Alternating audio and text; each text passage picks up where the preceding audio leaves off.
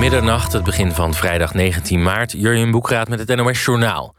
De Verenigde Staten hebben opnieuw dreigende woorden uitgesproken tegen bedrijven die betrokken zijn bij de bouw van de gaspijpleiding Nord Stream 2 tussen Rusland en Duitsland. Bedrijven die daar niet onmiddellijk mee stoppen riskeren sancties, zeggen de Amerikanen. De VS verzet zich al langer tegen de pijpleiding, omdat die Europa afhankelijker maakt van Russisch aardgas en Rusland meer invloed krijgt. Ook landen als Polen en Oekraïne zijn tegen. Duitsland is een groot voorstander van het project. Leiden is als laatste gemeente klaar met het tellen van de stemmen van de Tweede Kamerverkiezingen. D66 is volgens de voorlopige uitslag de grootste geworden met 23,2 procent van de stemmen. Gevolgd door de VVD met 15,1 procent en GroenLinks met 10,8 procent. De partij van Jesse Klaver is wel de grootste verliezer in Leiden en gaat ruim 6 procentpunten achteruit. Huisartsen zijn blij dat ze vanaf volgende week weer kunnen vaccineren met AstraZeneca. Nederland start de inentingen weer op nu de Europese medicijnautoriteit EMA heeft geoordeeld dat het vaccin veilig is. De Landelijke Huisartsenvereniging noemt het goed dat minister De Jonge meteen heeft laten weten dat de vaccinaties weer verder kunnen gaan. Deze week zijn bij de huisartsen en de GGD 110.000 prikken met AstraZeneca uitgesteld vanwege meldingen over bloedstollingsproblemen als mogelijke bijwerking. Ajax heeft de kwartfinales bereikt van de Europa League. In Bern versloegen de Amsterdammers Young Boys met 2-0. Neres en Tadic maakten de doelpunten. Thuis had Ajax al met 3-0 gewonnen. Morgen wordt er geloot wie de tegenstander van Ajax wordt in de kwartfinale. Ook AS Roma, Granada, Arsenal, Dynamo Zagreb, Manchester United, Villarreal en Slavia Praag loten mee. Het weer. Vannacht klaart het vanuit het noordoosten op. In het binnenland is er kans op lichte vorst. Morgen geregeld zon, vrijwel droog en opnieuw 8 graden. Dit was het NOS Journaal. NPO Radio 1. VPRO. Nooit meer slapen.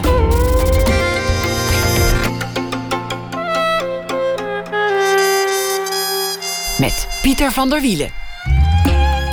Goedenacht en welkom bij Nooit meer slapen. Het was 22 maart 2016, volgende week alweer vijf jaar geleden. Op één dag vonden meerdere aanslagen plaats in Brussel. Op metrostation Maalbeek en luchthaven Zaventem sloegen jihadisten toe. Er vielen 32 doden. En er stierven ook nog eens vele mensen bijna. Althans, er vielen honderden gewonden. In het boek Bommen in Brussel spreken journalisten Joni de Rijke en arts Tine Gregor met overlevenden, met nabestaanden en andere mensen over de, hun betrokkenheid bij de aanslag. De impact van wat daar vijf jaar geleden gebeurde is nog steeds gigantisch. Johnny de Rijk is eh, journalist, geboren in Nederland, maar woont al lange tijd in Vlaanderen. Deed verslag vanuit conflictgebieden in Pakistan, Afghanistan en Libië. En in 2008 werd ze zelf gekidnapt door de Taliban. En daar schreef ze later ook nog een boek over. Johnny de Rijke werd geboren in 1965. Welkom, dank dat je gekomen bent. Goeienacht is het, ja. Wat, wat, ja, vijf jaar, dat is snel gegaan. Het zijn van die momenten dat je denkt, goh, is dat ook alweer vijf jaar geleden? Ja, heel veel mensen zeggen dat ook. Eh, je ziet dan inderdaad dat mensen het ook wel, ja, ze vergeten het niet, maar ook wel. Want iedereen zegt van, oh, is dat al vijf jaar geleden? Dus ja, het is, uh, het is ook het moment om het te herdenken. Want ik denk, als je nog eens vijf jaar wacht, dan is het wel verder uit herinneringen. En nu is het echt nog zo vers. En het leeft nog heel erg. Dus het was, het was wel het moment om, als je een boek wilde uitbrengen, moesten we het nu doen. Uh, het is natuurlijk door de corona, ja, zijn de herdenkingen natuurlijk ook heel kleinschalig. Hè, want anders was er wel iets veel groters gedaan. En dat is met name voor slachtoffers die in het buitenland zitten, die er wel bij hadden willen zijn. Maar ook slachtoffers in België is dat best uh, jammer voor een aantal mensen. Want die, zo'n herdenking betekent wel veel. Dat hebben we wel gehoord. En uh, ja, nu kunnen er natuurlijk gewoon vanwege die coronamaatregelen kunnen ze natuurlijk niet met een hoop mensen samenkomen. Dus, uh, dus ja. waarom wilde je zo graag dit boek schrijven? Um, dat was Tine die dat aan mij vroeg. Um, Tien en ik hebben elkaar leren kennen in 2016, in het jaar uh, dat de aanslagen gebeurden. En ik was voor het, uh, het jaaroverzicht van KNAK, het Vlaamse blad KNAK, um, ja, ging ik iets doen met de aanslagen. Want het was natuurlijk wel ook de gebeurtenis van het jaar in België. En Tine, ehm, die was destijds reed zij net uh, vlak in de buurt van Maalbeek op weg naar haar werk. En toen zag ze op Twitter dat er een aanslag was gebeurd. Ze had al, hè, er was eerst een aanslag gebeurd op En dan, ja, 50 minuten later ongeveer gebeurde dat dus op Maalbeek. En dan is ze uh, gestopt. En ze dacht, ja, ik ben waarschijnlijk een van de weinige artsen in de buurt. Ik ben ter plaatse, dus ik ga mensen helpen. En ze had ook nog wel eens anesthesie gedaan. Dus die acute geneeskunde die zat nog wel in de vingers. En zij is daar um, naar, uh, naar Maalbeek gegaan. En ze heeft daar um, ja, die, die hele dag eigenlijk gewonden geholpen. En ik heb daar haar over geïnterviewd. En die, uh, wij zagen elkaar terug in november 2016. En ze had ook een slachtoffer mee. Een meisje dat ze dus die dag had gezien en verzorgd. Dat was een, een Frans meisje dat in België studeerde. En het was voor die twee ook heel emotioneel. Het was de eerste keer dat ze elkaar terugzagen. En ze herkenden elkaar in het begin niet. Want ja, de slachtoffers ja, die zaten natuurlijk onder het stof. De haren waren vaak verbrand. Dus het was sowieso al een heel beladen interview toen het begon.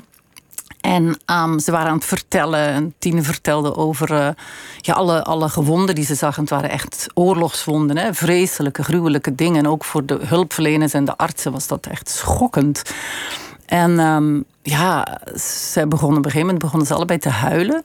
Omdat het zo emotioneel was. En ik zat er zo bij. En, uh, en ik begon op een gegeven moment, zag ik ook, voelde ik ook de tranen opkomen. En dat was bij mij ook omdat, ja, ik had een trauma ook op dat moment. Want voor hun was het natuurlijk een groot trauma. Maar ik wist eigenlijk nog niet dat ik zelf een trauma had. Ik, ik besefte dat nog niet. Want ik was dan... Um, net terug uit uh, Libië, waar op 2 oktober 2016 dan Jeroen Oerlemans uh, was neergeschoten. Hè. Wij waren samen op reportage voor KNAK. En Jeroen Oerlemans, dat, dat is in Nederland ook groot in het nieuws geweest. Ja. Een, een fotograaf ja. die daar, terwijl hij een straat overstak in een, Ja. in een conflictgebied... eh, werd geschoten net op een plek waar je je vestje niet goed beschermt. Zo in, aan de zijkant, ja. Op slag dood. Ja. En, en Ja. jij was daarbij. Je hebt dat Ja. met eigen ogen gezien. Ja, wij waren samen op reportage. Dus ja, ik was natuurlijk, ik was zelf heel emotioneel. Dus wij begonnen daar allemaal te huilen.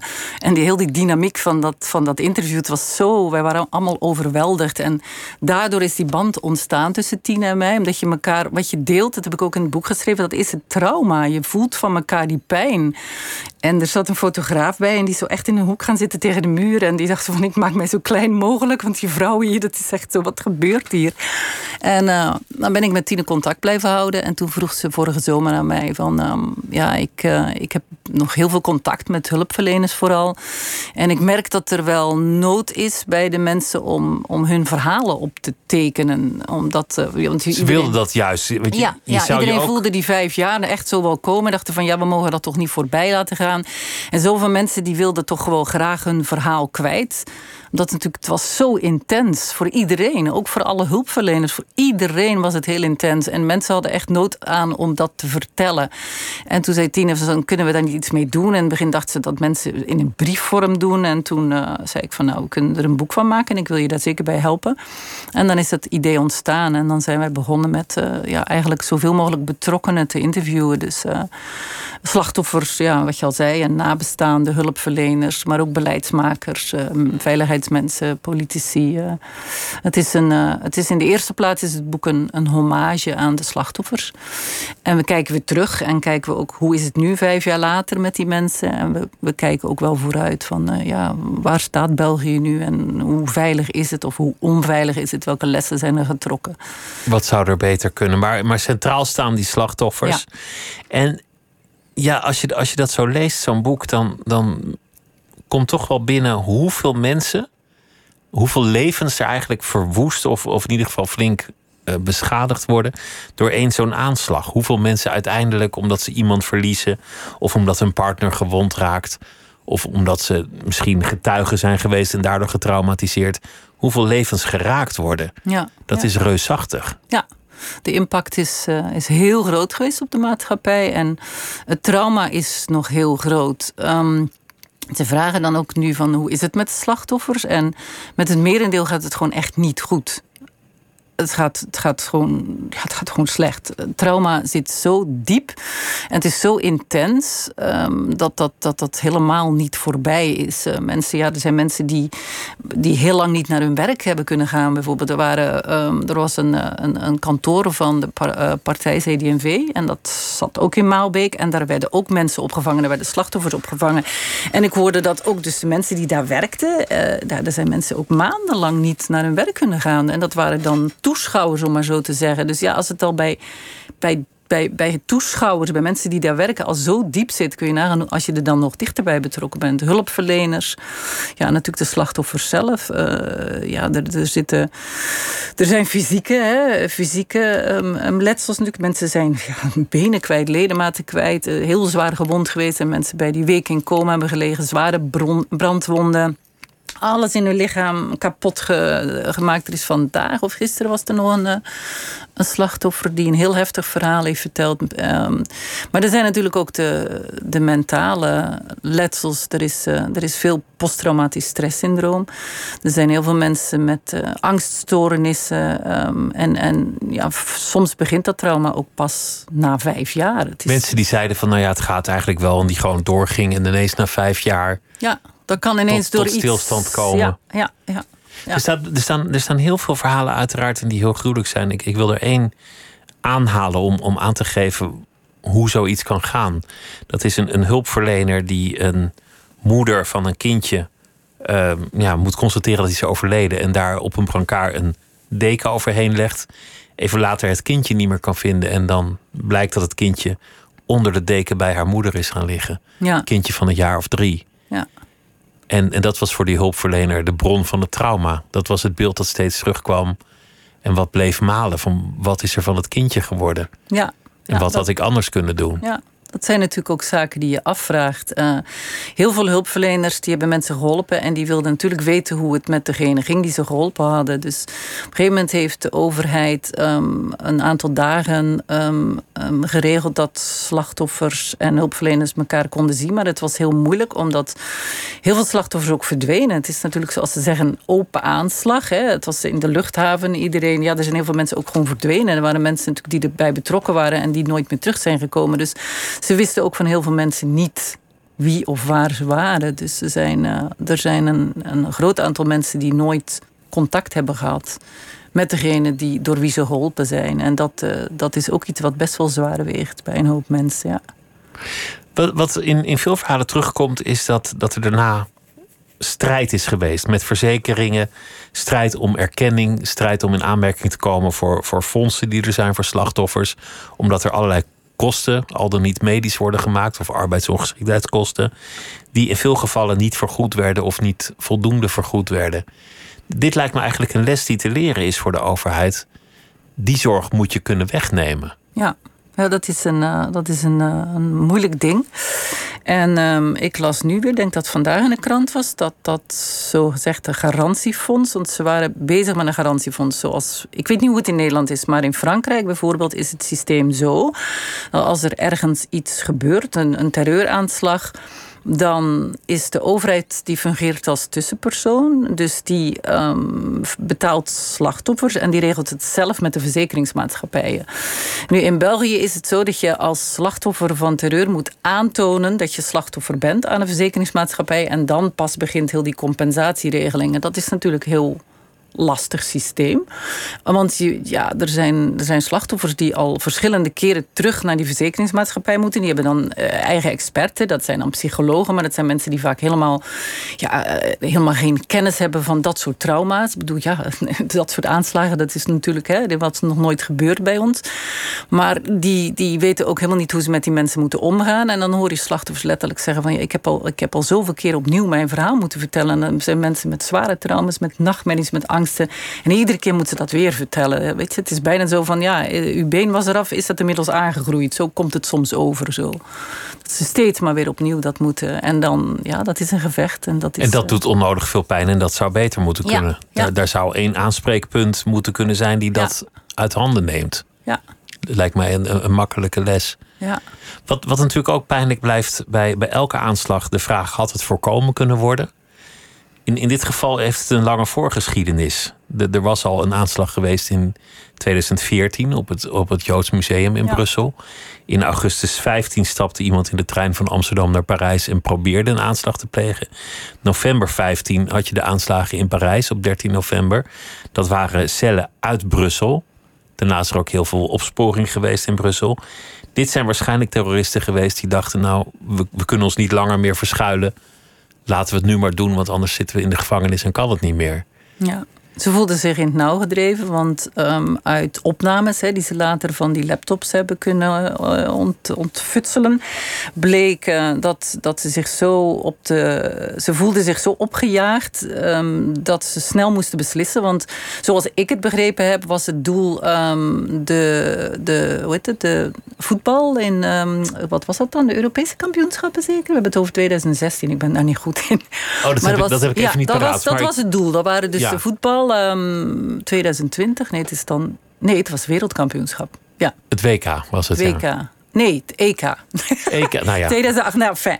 En dat was het doel volgens die opnames. Ze wilden Parijs weer treffen. Ze wilden in ieder geval Frankrijk. En dat is dan niet gebeurd. En dus is het Brussel. En zoals ik uit verschillende ja, verslagen heb begrepen, is dat inderdaad pas op het allerlaatst beslist. Ja.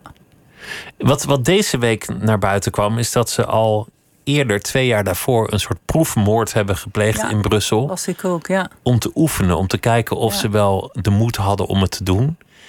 En, en dat vond ik zo'n schokkend gegeven. Dat ze een, een willekeurige passant op straat hebben doodgeschoten. Gewoon om even te checken hoe dat was. Ja. Alvorens ze een grote aanslag gingen plegen. ongelooflijk, hè? Ja. ja. Ja, ik bedoel, het zijn, het zijn terroristen. Dus eh, ja, als je dat doet, dat zegt al iets hoe, hoe, wat, wat, ja, wat, voor mindset zit je dan? Hè? Ik bedoel, ja, die zien ons allemaal als de vijand. En een leven meer of minder maakt dan blijkbaar niet uit. Ja, het is heel schokkend, ja, absoluut. Je hebt ook verslag gedaan van de conflicten.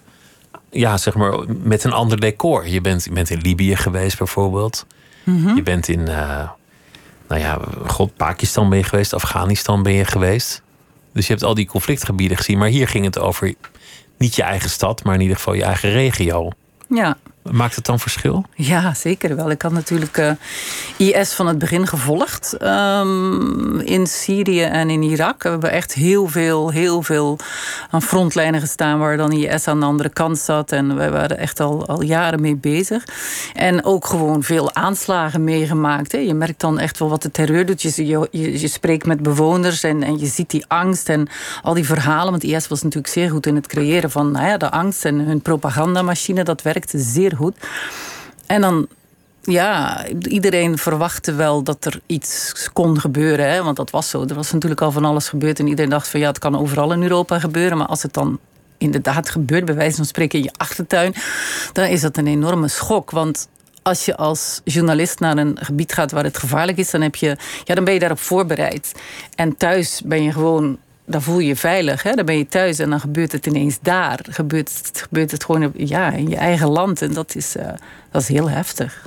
En dan blijken er ook zoveel terroristen te wonen in, in dat eigen land. Ja, ja. Want het wa- was al met al, en ze hebben nog niet eens iedereen gevonden en iedereen opgepakt. Ja. Een, een, een best wel grote groep ja. Ja. geradicaliseerden die daar zat. Had het voorkomen kunnen worden? Ja, die vraag, eh, vraag. heb ik ook gesteld. Ehm, dat is natuurlijk een, een vraag die heel moeilijk te beantwoorden is. Dat, dat, maar het is wel een vraag die gesteld moet, moest worden. Ehm, nu, die parlementaire onderzoekscommissie die daarna is, eh, is, is in het leven geroepen, die, ehm, de conclusie van hen was eh, dat het niet aan een bepaalde fout te wijten was. Dat zou ook wel natuurlijk eigenlijk al iets absurd zijn. En dat er ja, verschillende oorzaken waren. Dus had het voorkomen kunnen worden? Ik heb het aan verschillende mensen gevraagd in, in, in de veiligheid. En het antwoord wat ik kreeg was... Ja, het is natuurlijk moeilijk. Niemand kan er echt een antwoord op geven. Niemand kan ja of nee zeggen. Maar mensen zeiden wel van... ja, wij hadden dit kunnen doen. Of wij hadden dit niet kunnen doen. Maar dan was het toch gebeurd. Dus ja, had het voorkomen kunnen worden... In die tijd ja, denk ik dat het toch gewoon was gebeurd. En nu is het in Brussel gebeurd. Het doel was Parijs en dan was het misschien ergens anders gebeurd. Ja, dat is, blijft een hele moeilijke vraag. Ja. Veiligheidsdiensten missen wel eens signalen. En, en je hebt maar zoveel kansen om het signaal op te vangen. Ja, ja. En, en de, Turkije heeft later gezegd: we hebben deze mensen al aangegeven bij de Nederlandse Veiligheidsdienst. Dat ze in Syrië waren geweest. Ja. De Nederlandse Veiligheidsdienst heeft dat ontkend. Ja dat dat is gebeurd. Dus daar is iets in de communicatie niet ja, goed gegaan. Ja, er is, er is, dat is ook uh, uit die parlementaire onderzoekscommissie wel naar voren gekomen. Dat uh, de politiediensten, de veiligheidsdiensten, maar ook de, de Belgische inlichtingendiensten en de militaire inlichtingendienst, dat die communicatie onderling gewoon niet goed was. Dat die fouten hadden gemaakt. Um, en, en dat daar dus vooral ja, dat dat verbeterd moest worden. Dat die communicatie veel, veel, veel beter moest zijn. Nu, um, België heeft in die zin, ja, wat België eigenlijk in mijn ogen wel, waar, ze laat mee zijn geweest, is. Uh, ze wisten natuurlijk dat er groeperingen waren. Het Sharia voor Belgium. Maar ze hebben dat toch te lang laten, laten begaan. Ik denk dat ze gewoon eerder ze dachten die roepen hard, maar die doen verder ja, niks. terwijl ze, terwijl ze allemaal wel, ze hielden dat heel goed in de gaten. Maar dat schrijf ik ook in het boek. Ik, ik, ik zat zelf op het vliegtuig met, um, dat is later gebleken, met een, een, een, een Syriëganger die was 16. Die jongen was minderjarig en die kon op het vliegtuig stappen vanuit België en die kon gewoon naar Turkije. het was 2000 en wanneer was het dan? 2013 denk ik. Ja, het was 2013. Maar ik bedoel, het feit dat dat kon in die tijd toen was de oorlog bezig en toen, toen wisten ze dus al dat er jongeren vanuit Europa vertrokken. En dat, dat vind ik wel, ja, dat, dat kan niet. Dat, dat, dat minderjarigen gewoon op een vliegtuig kunnen stappen en, en naar Turkije kunnen gaan. Er was ook een van de aanslagplegers in Parijs. Ja. Die, die gewoon kon blijven reizen, ondanks dat hij op de terroristenlijst stond. Eén keer omdat de douane zei: Ach, het is je verjaardag. Ja. Ga dan maar. Ja, ja er, zijn, eh, er zijn wat dat betreft zijn er heel veel, uh, is er heel veel misgegaan, in, vooral in de communicatie. En er zijn natuurlijk heel veel, er is heel veel onderzoek naar gedaan. Um, ja, wat ik gehoord heb van de mensen die ik heb gesproken, Jacques Raas, de hoofd van de Veiligheidsdienst, Paul van Tichelt, de, de topman van OCAT, hè, de, die de dreigingsanalyse bepaalt. En die zeiden mij ja, wat, wat er we, we, werken eraan. We werken aan die onderlinge communicatie. Er is vooral vertrouwen nu veel meer. En dat, dat dus als we nu. Het gaat om informatie delen. Hè. Er zou ook een, een kruispuntbank komen voor de veiligheid. Waarin dus al die informatie wordt samengebracht. En dat is natuurlijk ook heel moeilijk, omdat je dan informatie van verschillende diensten, ja, die moeten dat met elkaar delen. En er is altijd een wantrouwen. En Um, iemand vertelde mij van ja, dat, is, dat blijft een, een, een moeilijk iets. Want ja, je moet je dan in Amerika bijvoorbeeld voorstellen dat de CIA en de FBI, ik zeg maar niet, die moeten dan met elkaar, moeten elkaar mm, dingen toevertrouwen. En dat blijft moeilijk. Dat, is, dat, zijn, dat zijn pijnpunten. Dus het gaat erover dat inlichtingendiensten en veiligheidsdiensten mm, ja, informatie uitwisselen. En, en, elkaar landen. daarin vertrouwen. En niet zo alles zelf op willen lossen. Je moet echt samenwerken. Ja. Je had het over de, de trauma's. En, en dat komt eigenlijk het hele boek terug. Van, van mensen die op allerlei manieren betrokken zijn. Je zei, ik kwam er eigenlijk achter dat ik zelf op een gegeven moment trauma's heb opgelopen zonder het te weten. Wat is een trauma? Ja, dat is. Uh, trauma, dat is een vraag. Daar kun je niet zomaar antwoord op geven, omdat het ook bij iedereen zich wel anders manifesteert. Um, we hebben er een heel hoofdstuk aan. Vooral tien heeft zich daarmee bezig gehouden. Maar je hebt natuurlijk bij mij. Um, was het ook een vorm van posttraumatisch stresssyndroom. En dat is dan, ja, zoals ik het heb meegemaakt, kan natuurlijk vanuit mezelf vooral het beste vertellen. Dat was nadat Jeroen Olemans werd doodgeschoten. Dat is dan zo schokkend en zo abrupt. En um, mijn arts zei van ja, dat is gewoon te veel om, om, hè, voor, voor, voor jou om te, om te bevatten, om te kunnen verwerken. Dus ze zei, en die, die, um, je hebt traumatherapie, zonder andere EMDR. Um, en dat is ook wel, dat is internationaal erkend. Dat is niet zweverig of zo. En dat is gebaseerd op je, hè, als je rem slaapt, dan gaan je ogen van links naar rechts en dan verwerk je dus dingen terwijl je droomt in je slaap. En die EMDR, die, um, ja, het basisprincipe is dus dat je als je dus ik zeg het nu even heel simpel, vertelt over je trauma of wat er is. Het werkt vooral goed bij acuut trauma.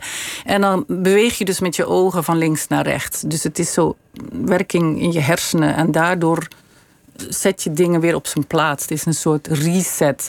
zeg, het klinkt misschien heel vreemd, maar het is, uh, het is absoluut, het werkt. En mijn arts, mijn huisarts, een hele nuchtere West-Vlaamse dame, die zei van. Uh, vijf sessies en je gaat je veel beter voelen.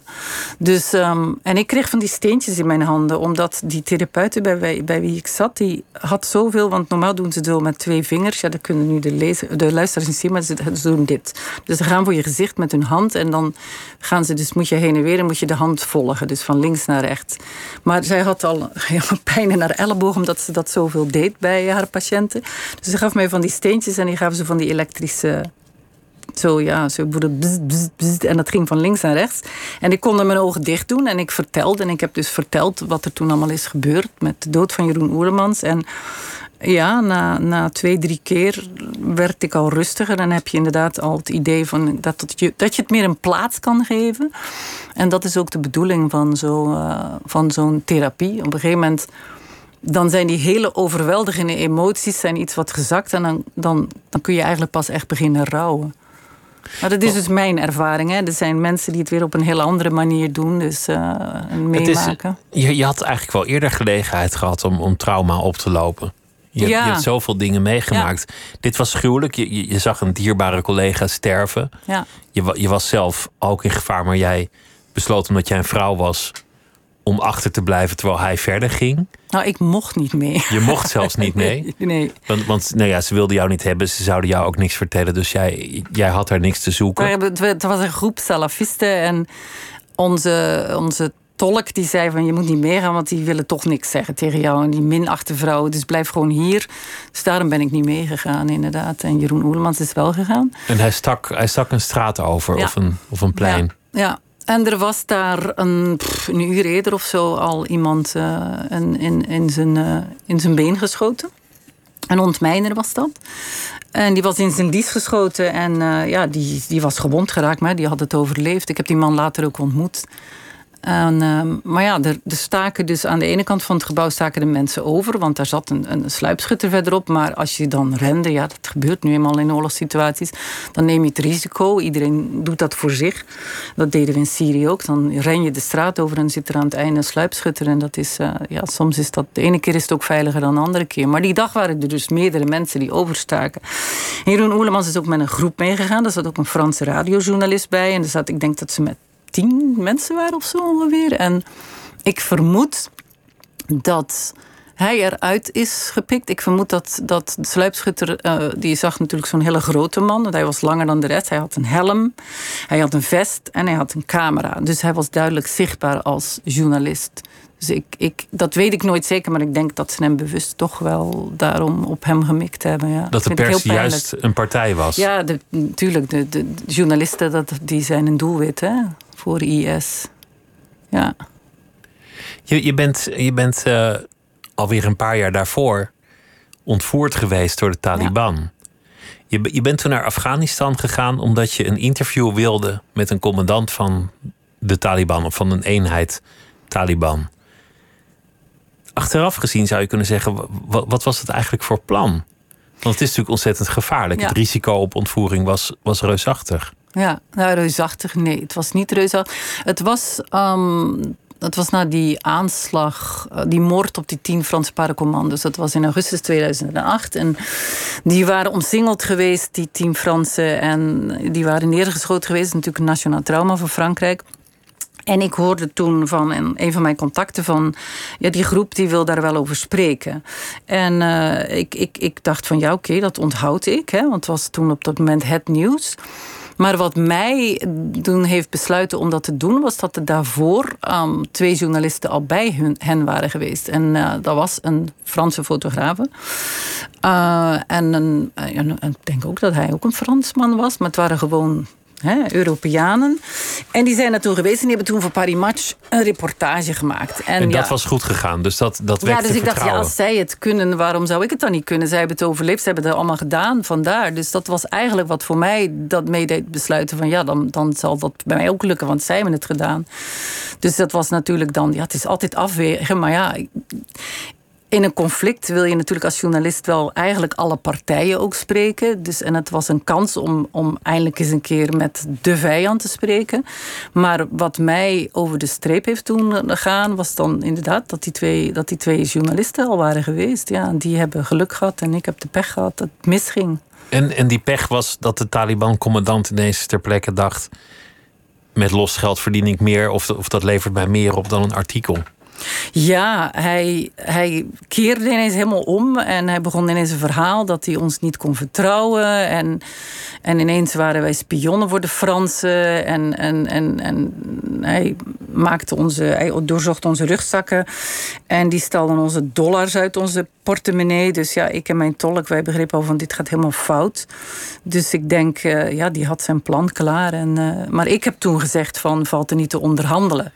Want het was zo van ja, jullie zijn niet te vertrouwen. En ik dacht van ja, uh, ik hoorde dat van mijn tolk. En ik heb dat al een aantal keer verteld. Ik zag hem letterlijk beven van angst. Want hij kon natuurlijk de conversatie volgen, ik niet. Maar ik wist wel van ja, uh, wat doen ze met, met mensen die met spionnen, die onthoofden ze. Dat, dat ging wel meteen door mij heen. Dus ik heb dan gezegd van luister, misschien valt er iets te regelen.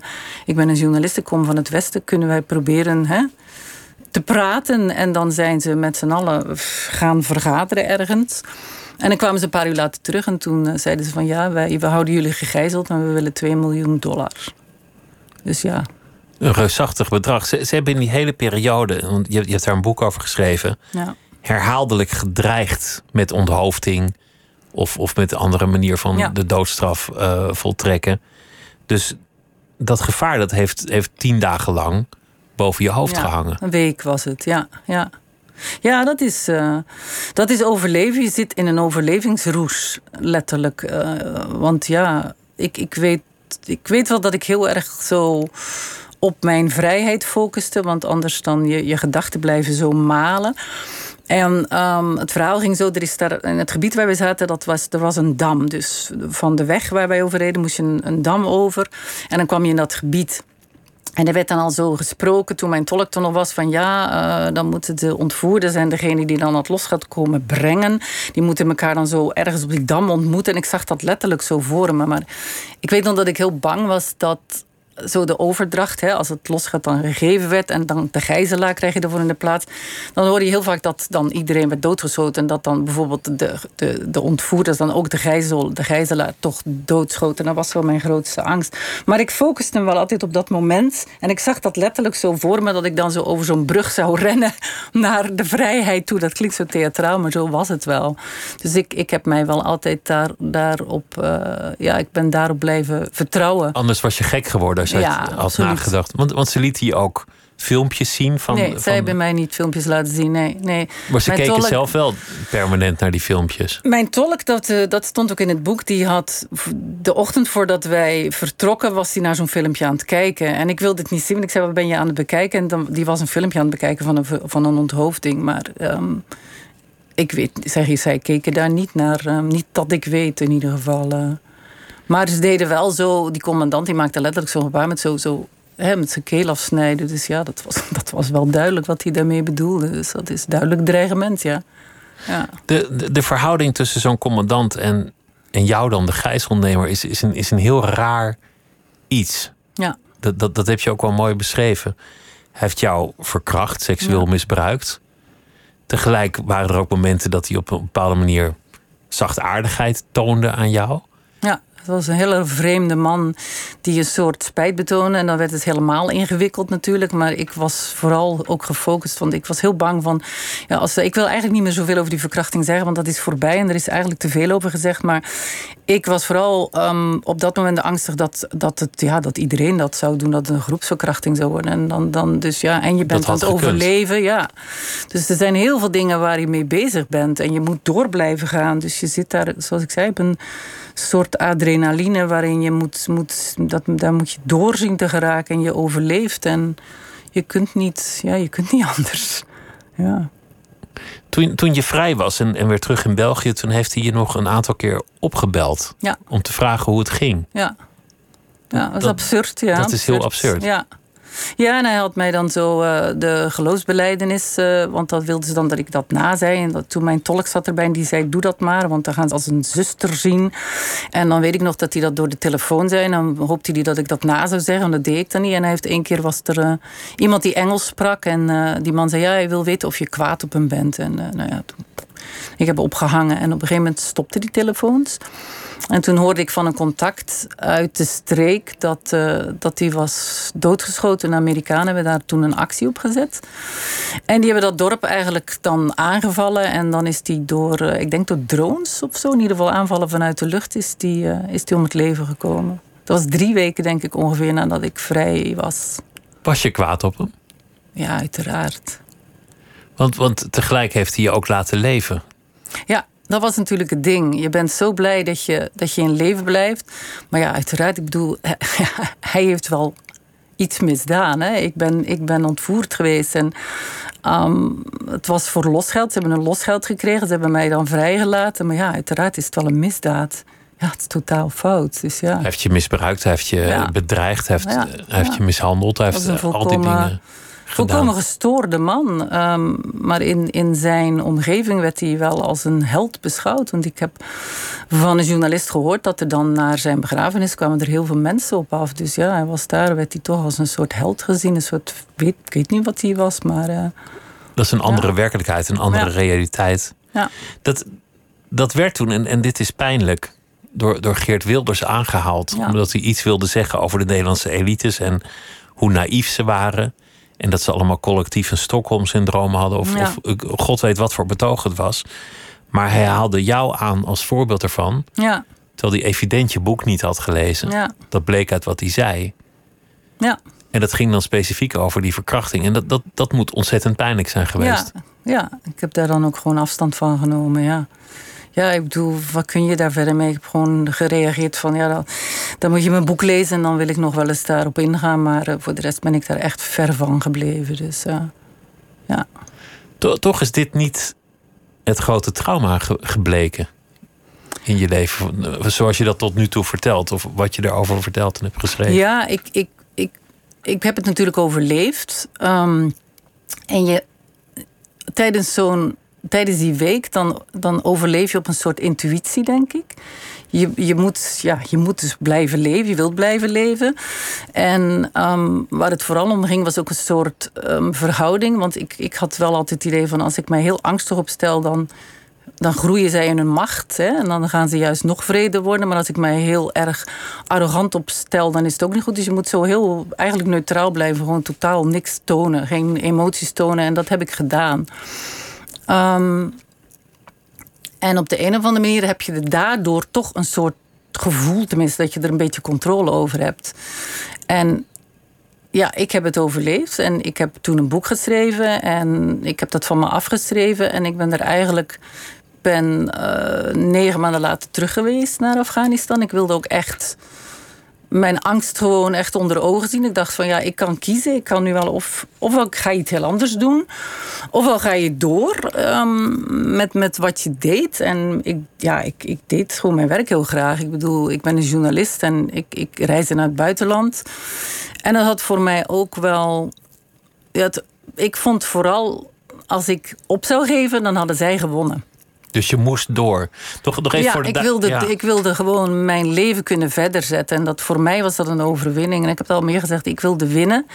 En dat gaf een enorme, dat gaf een enorme energie. Dat gaf een, om dat te doen. Dat Er is, wel. er is onderhandeld en er is ook voor jou betaald Ja. eh, door je werkgever. Ja. Ehm, de Nederlandse overheid heeft het principe: wij betalen niet, want anders dan zetten we aan tot meer ontvoeringen. De Belgische regering zei: Nou, volgens, volgens ons is zij Nederlands. Dus, dus laat maar zitten. Die hebben eigenlijk ook niet zoveel voor je gedaan. Ja, Dit soort dingen zijn ook altijd een, een klein beetje schimmig, omdat niet iedereen Ja. van de daken schreeuwt wat ze betalen ja. en wat ze niet betalen. Maar voor, voor wie zich afvraagt hoe kwam, hoe kwam het dat je vrij werd gelaten, er is wel degelijk betaald. Maar, maar jij zegt, het is mijn werk, het is wat ik doe. Ik ga naar conflictgebieden. Dat, dat is voor, voor mij eigenlijk moeilijk te begrijpen. Ook, ook wat je vertelde over Jeroen Oerlemans. Er is daar een conflict, er wordt daar geschoten. Het is tegenintuïtief om daar op af te gaan. ja. De meeste mensen, waaronder ik, zouden denken: daar, daar, daar wil ik vandaan. Ja. Daar wil ik weg. Maar je wilt natuurlijk ook niet echt een, een oorlog in. En ik heb er ook nooit bewust voor gekozen. Op een gegeven moment krijg je te maken. Ehm, ik ging naar Afghanistan, ging met Belgische leger mee. En dan leer je dat land kennen. En dan zie je wat een andere wereld dat is. Dus het was wel heel intrigerend, omdat het zo ver afstond van hoe wij leefden. En dan ben ik terug beginnen gaan. En dan zie je dat er heel veel journalisten zijn die daardoor toch wel door geïntrigeerd zijn. En als je dan eenmaal zo bezig bent met zo'n conflict en wat er in een land is. En je begint met mensen, hè, met, met bewoners contact te krijgen. Ja, dan zie je natuurlijk de menselijke kant van zo'n strijd en hoe de burgers daarmee omgaan. En dat is voor mij hetgene wat interessant is, die oorlog zelf. De technische kant van de oorlog vind ik eigenlijk helemaal niet interessant. Het zijn de mensen die het voor mij interessant maken. En dan deel je vaak zoveel heftige emoties. En dan was het voor mij ook zo, en is het ook zo, dat je dan, ja, als je dan weggaat is dat ook al zo van ik kan altijd weer terug naar mijn veilige huis. En op de een of andere manier ja, wil ik dan ook wel weer terug om te, om te weten hoe het met die mensen gaat. Het is een beetje, ja. Je hebt daar een band mee. niet zo makkelijk dus, weg. Nee, zij kunnen niet weg. Niet makkelijk, kunnen gewoon niet weg. Dus het is niet zozeer van. Je gaat, niemand gaat graag naar een oorlog. Niemand gaat graag naar een gebied waar geschoten wordt. Het is wel meer dat je het wil blijven volgen en dat je er dan toch ook wel bij wil zijn. Maar om nu te zeggen van ik wil naar een oorlogsgebied, nee, dat is tegen natuurlijk, dat wil ik ook niet. Dus het, het gaat jou om, om de empathie met die mensen daar, betrokkenheid die je voelt. Ja. En, en dat je die verhalen wil vertellen. Ja het, het interessante wat je bijvoorbeeld over, over de Taliban schrijft. Ja, allereerst schrijf je: de Taliban bestaat niet, want het zijn allemaal facties en groeperingen. Maar als we, als we het hebben over de commandant die jou gevangen hield, hoe gestoord hij ook was, die leeft in zo'n andere werkelijkheid. Ja. In, in zo'n andere bubbel zou het tegenwoordige woord zijn. Ja. Dat, dat alles wat, wat wij zo'n man voor de voeten werpen, dat bestaat niet in zijn universum. Ja, het is echt een heel andere wereld. Zeker, ik zat er ergens in de bergen, dat is platteland. Of ja, platteland. Wat wij platteland noemen, dat was dus bergachtig. En um, ja, die mensen die leven daar eigenlijk toch nog heel primitief. Er is geen elektriciteit, die gaan niet naar school. Uh, er is geen, geen uh, geboortebeperking, niks. Dus ja, uh, die, die trouwen, die krijgen kinderen. Met meerdere vrouwen. Ja, ja, ja.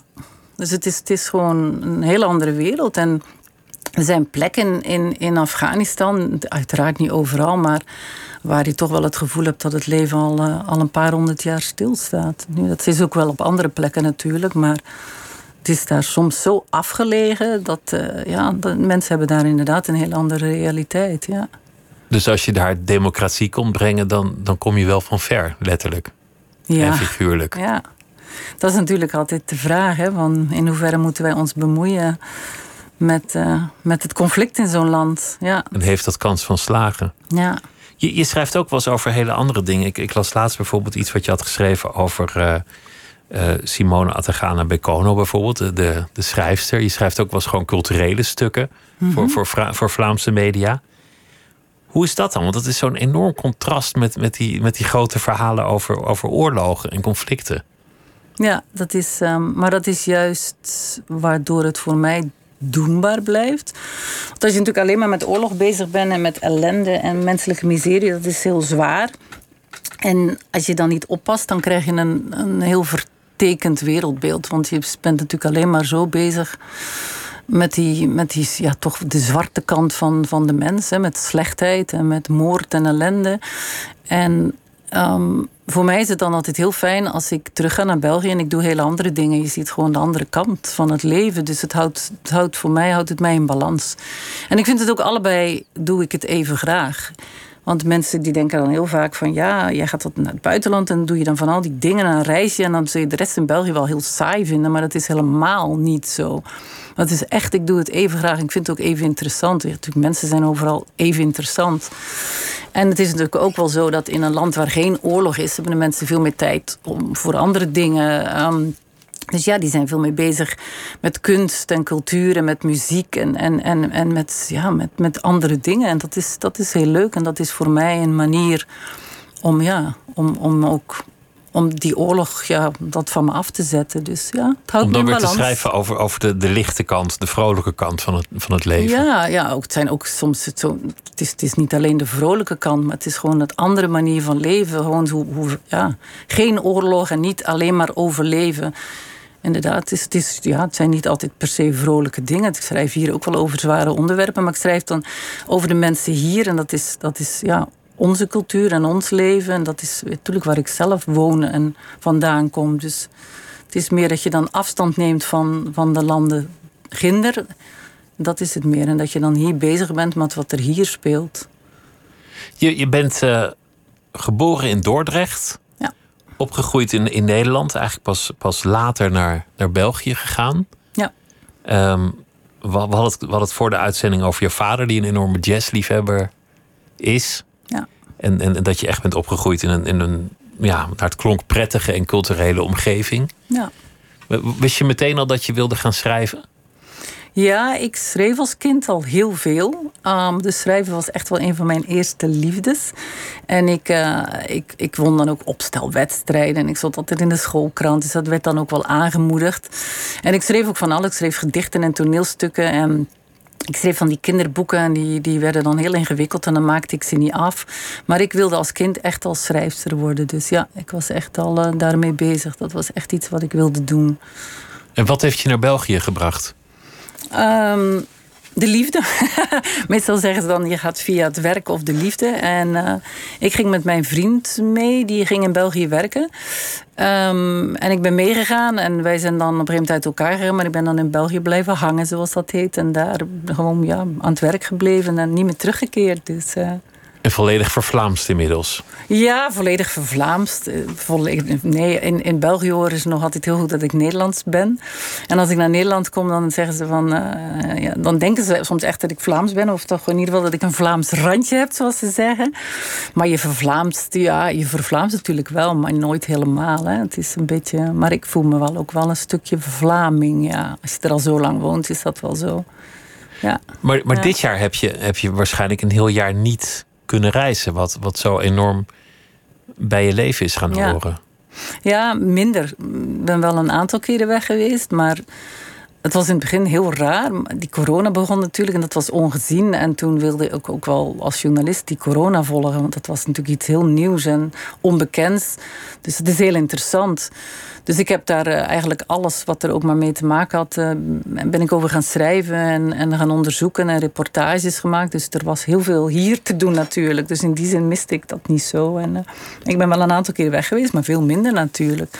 Maar ik heb dat niet gemist. En ik heb ook gemerkt, doordat je dan echt een jaar in je eigen land blijft, ja, dan, dan, dan wordt het hier ook wel weer intenser. Want als je, als je elke maand weg bent en elke maand op reis bent, dan leef je ook wel natuurlijk zo maar half. Je komt terug, je komt thuis, je ziet de mensen die je wil zien, hè, je familie, dit en dat en een paar vrienden. En je doet dan wat werk en dan vertrek je weer naar het buitenland. Dus het is zo dat je overal maar een klein stukje van meepikt. En nu blijf ik hier en dan leren we hele nieuwe mensen kennen, nieuwe contacten. En ja, dat gaat. Het is, het is wel. Het is intenser, vind ik. Het is wel zo. Als je zo de helft in het buitenland en de helft in je eigen land zit, dan heb je ook maar de helft van. Ja, Van het leven. ja, ja, dat eigenlijk. Ja. Het is natuurlijk ook iets geks dat heel veel conflicten amper zijn verslagen in dat coronajaar. Ja. Omdat er geen verslaggevers heen konden of gewoon omdat Ja. de, de krant al vol was. We lagen allemaal stil en er was natuurlijk in het begin ook totaal geen belangstelling meer voor. Alles ging alleen maar over corona. Dus Terwijl ja. die conflicten gewoon doorgingen. Ja, ja. Syrië is gewoon doorgegaan. En, eh, ja. Nou ja, doorgegaan, dat was natuurlijk overal, is er COVID. Dus dat, eh, dat speelde overal een rol. Maar inderdaad, er werd, niemand was daar nog mee bezig bij ons. eh, of heel miniem, ja.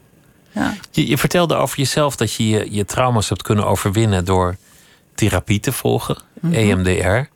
Je, je vertelde ook over de mensen die je ontmoet in conflictgebieden. Waar je toch een soort trouw aan voelt, omdat je, dat je geïnteresseerd bent in hoe zij zich redden, hoe zij hun leven leiden en hoe zij hun, hun trauma overwinnen. En dat boek over de aanslagen in Brussel gaat ook voor een heel groot deel over mensen die hun leven weer oppakken.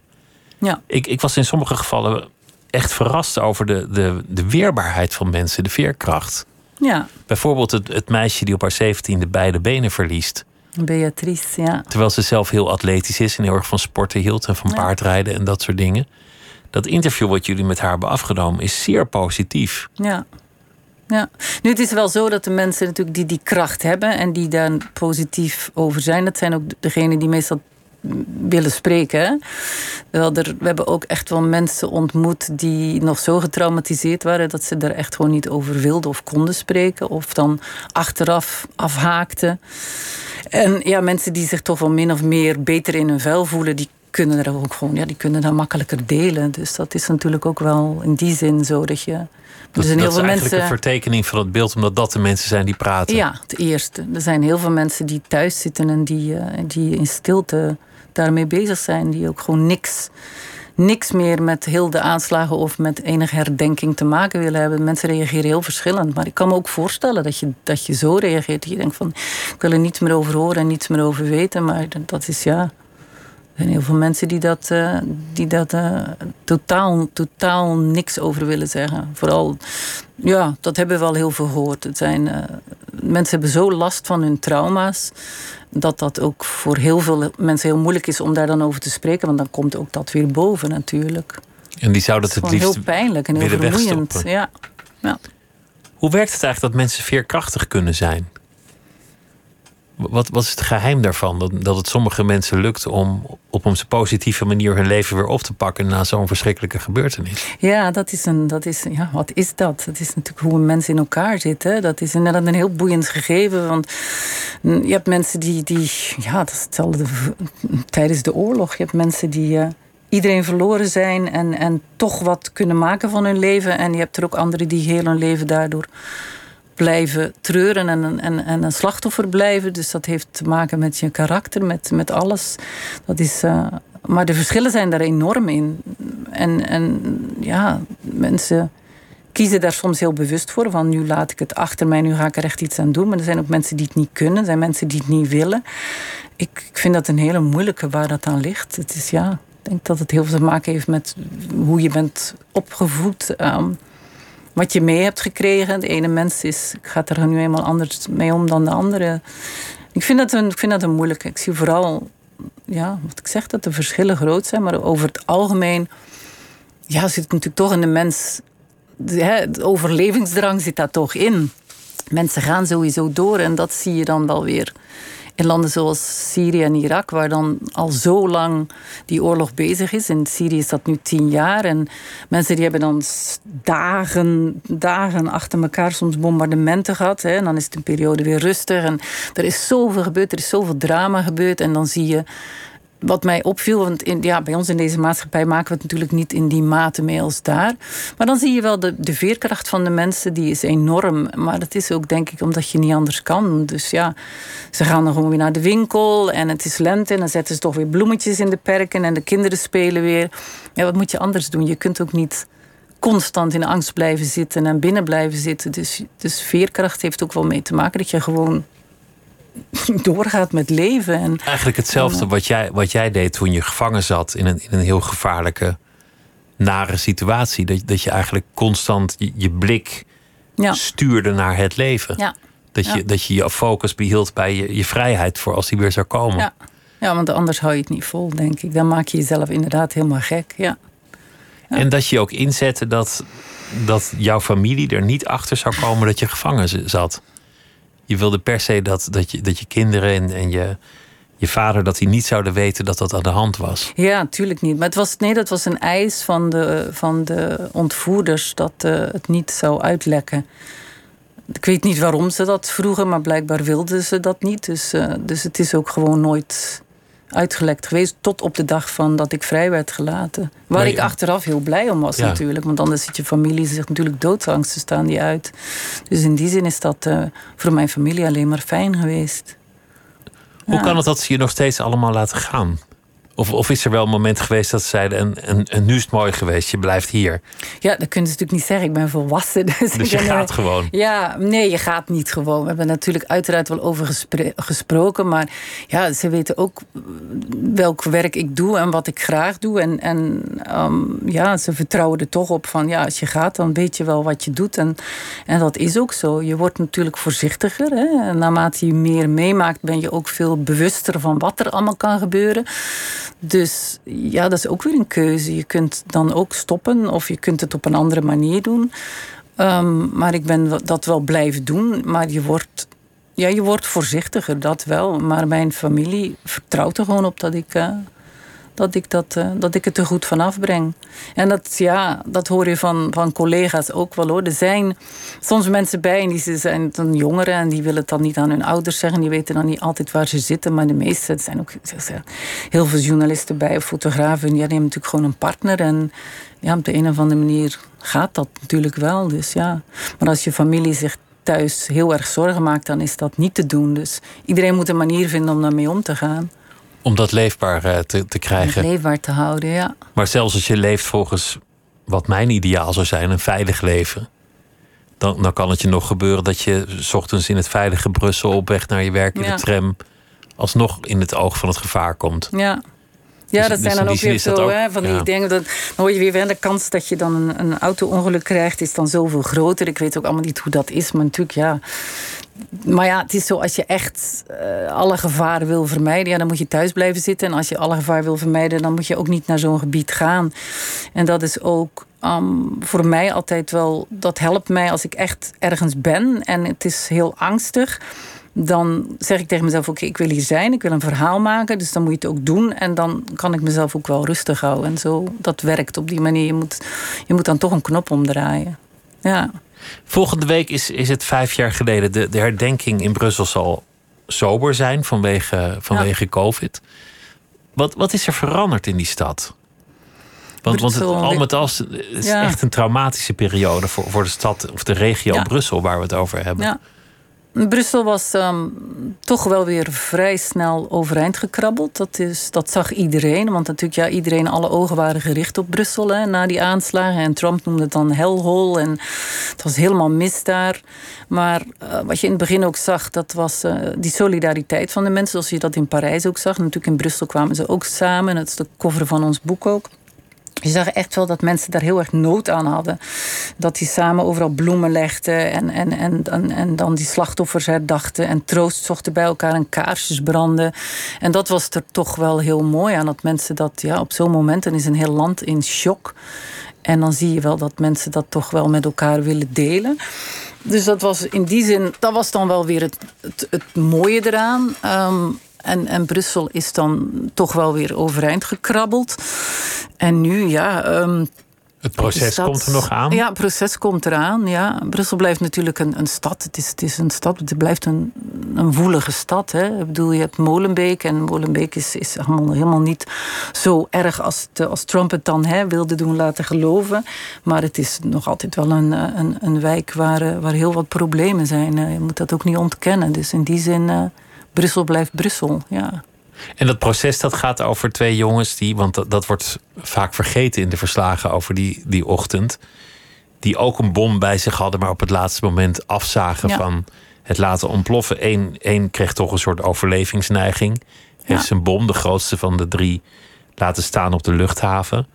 Had nog een kop koffie gedronken met de andere aanslagplegers. En zei: Ik zie jullie straks aan de andere kant. Maar hij dacht: Ja, ach ja, wat hij dacht weten we natuurlijk niet. Nee. Goed, uh, ja. en, en dan heb je nog de jongen in, in de metro. En, en dat was een beetje zullig, want die, die wist niet waar die nou precies moest staan. Ja, het klinkt inderdaad zeer zullig. Ja, dat sukkels waren het eigenlijk. En die, en die is toen weggegaan. En, en, en, het, en het meest opmerkelijke detail is dat hij bij wel toen slachtoffers heeft gezien van een van de andere bommen. En dat het toen even in hem opkwam om iemand te helpen die getroffen was. Wat hij toen uiteindelijk niet heeft gedaan. Wat hem ook weer kwalijk wordt genomen. Maar dat is, dat is natuurlijk heel raar als je, als je eigenlijk zelf met zo'n bom oploopt. Met het mhm. plan om jezelf op te blazen en heel veel mensen te vermoorden. En dat je dan daar toch van afziet. En dat je dan ineens de neiging krijgt om een slachtoffer ja, toch te helpen. En daar dan toch weer van afziet. Omdat je toch een jihadist bent. Ja. Dat, dat is de absurditeit ervan. Het is absoluut, het is heel absurd. En er staan er nu voorlopig, zoals ik het begreep, staan er tien, tien mensen terecht dan. Ook voor hulp geven en ondersteuning en voor verschuilen. Ja, ja. Dus ja, dat soort. Uh, maar ja, dat gaat een, uh, een heel lang aanslepend proces worden. En dat zal dus waarschijnlijk dit jaar niet meer lukken. Dus het zal uh, 2022 worden. En ja, het wordt een enorm proces. Het gaat ook heel duur worden en heel tijdrovend en heel intensief. En wat dat betreft, dat gaat nog wel wat worden. Ja. En ook heel pijnlijk natuurlijk voor de nabestaanden. Want dat gaat, dat gaat ja. wonden openrijten waarschijnlijk. ja. ja. ja. Ja, dat is, uh, dat is allemaal nog in de toekomst en het is nog altijd niet uh, beslist wanneer en hoe en wat. Dus daar kan ik ook niet voor de rest niet veel over zeggen. Zijn er ook in het boek wel van afgebleven, juist daarom. Dat, uh, daar gaat nog zoveel over geschreven worden. Ja. Ja. Na vijf jaar kan het dossier nog steeds niet dicht van de aanslagen in, in Brussel. Dankjewel dat je, dat je langs wilde komen. En het uh, boek heet Bommen in Brussel. Geschreven door uh, de arts Tine Gregor en uh, Johnny de Rijke, die tegenover mij zat. Dankjewel dat je langs wilde komen. Heel graag gedaan. En veel succes met alles wat je nog gaat doen en gaat schrijven. Dankjewel. Dankjewel. En morgen in Nooit meer slapen dan uh, spreekt Lotje IJzermans met regisseur en documentairemaker Sander Burger. En zometeen op deze zender kunt u luisteren naar Miss Podcast. Een hele goede nacht en fijn dat u luisterde.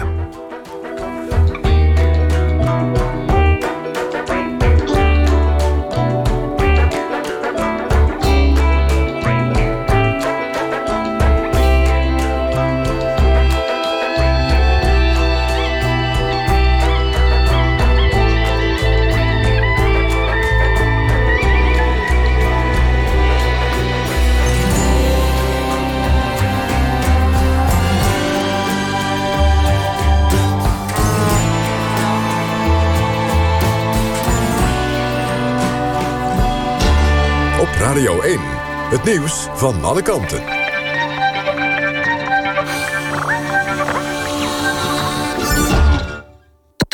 NPO Radio 1.